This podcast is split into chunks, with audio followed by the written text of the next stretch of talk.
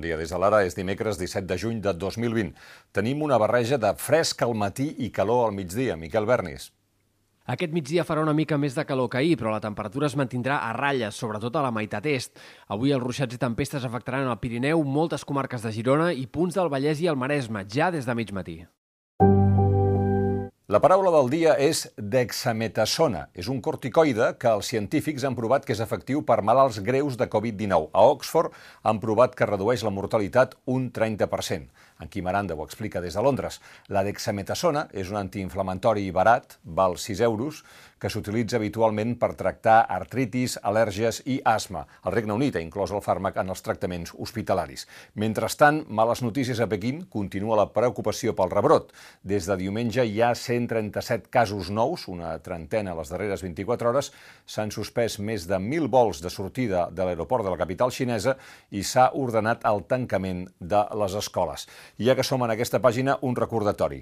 Els guants i mascaretes fets servir s'han de llançar al contenidor gris i no per terra. En aquesta pàgina trobareu tot de consells, eh, com ara la recomanació de portar una bossa per guardar-hi la mascareta i els guants. El PSOE frena que el Congrés investigui el rei Joan Carles de Borbó. Va votar, els socialistes van votar al costat del PP i de Vox per impedir-ho. És la tercera vegada que voten que no a crear una comissió d'investigació reial, però és la primera després que la Fiscalia del Tribunal Suprem obrís diligència sobre el cobrament de comissions de l'AVE de la Meca. Des del PSOE, Adriana Lastra s'expulsava la responsabilitat de sobre. Els del Congrés diuen que no es pot investigar el rei emèrit. Siempre hemos hecho referencia a, al informe de los letrados, eh, que no distan nada de lo que dijeron hace cuatro meses. Això passava el mateix dia que el Tribunal Constitucional va rebutjar suspendre la condemna dels presos polítics, de manera que continuaran empresonats mentre el Tribunal revisa la sentència del Suprem. Fins que el TC no es pronunciï, el cas no pot anar a la justícia europea. Hi va haver una concentració de protesta davant la delegació del govern espanyol a Barcelona i a Twitter deia el president d'Òmnium, Jordi Cuixart. El TC mai falla. Seguirem fent de la repressió la millor palanca de la lluita per l'autodeterminació i les llibertats. Visca Catalunya lliure. I Jordi Sánchez deia el TC també se'n riu de Nacions Unides i d'Amnistia Internacional. La nova normalitat resta molt lluny de ser la d'un estat democràtic i de dret. Mentrestant, a l'Audiència Nacional, l'advocada del major Trapero, Olga Tubau, va presentar les eh, seves conclusions al tribunal.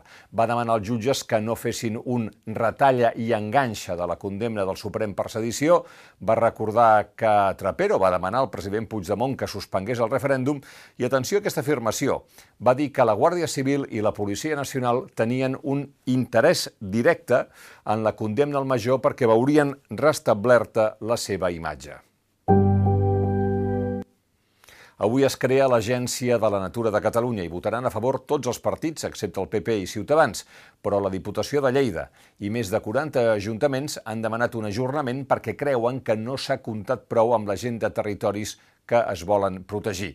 En una entrevista, el conseller Damià Calvet admet que hi ha un greuge en l'atenció de la Generalitat cap al món rural. Entre els articles, aquest de Ferran Saez Mateu, en què diu les masses ho saben tot. Seguint els criteris dels actuals iconoclastes, caldria cremar llibres d'Aristòtil. Com saben bé les masses revisionistes, ara la saviesa és el TikTok o el Foro Cotxes. O aquest altre article de Joan Canadell, president de la Cambra de Comerç de Barcelona, en què fa balanç del eh, seu primer any al front de la cambra.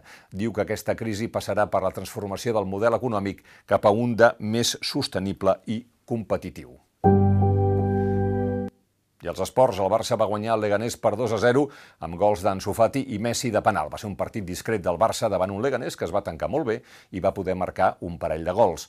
L'Espanyol va empatar a 0 al camp del Getafe, tot i la injusta expulsió de Bernardo, i ara ha abandonat el falanet vermell, ara és penúltim. El Girona va empatar a casa a 0 amb el Racing de Santander.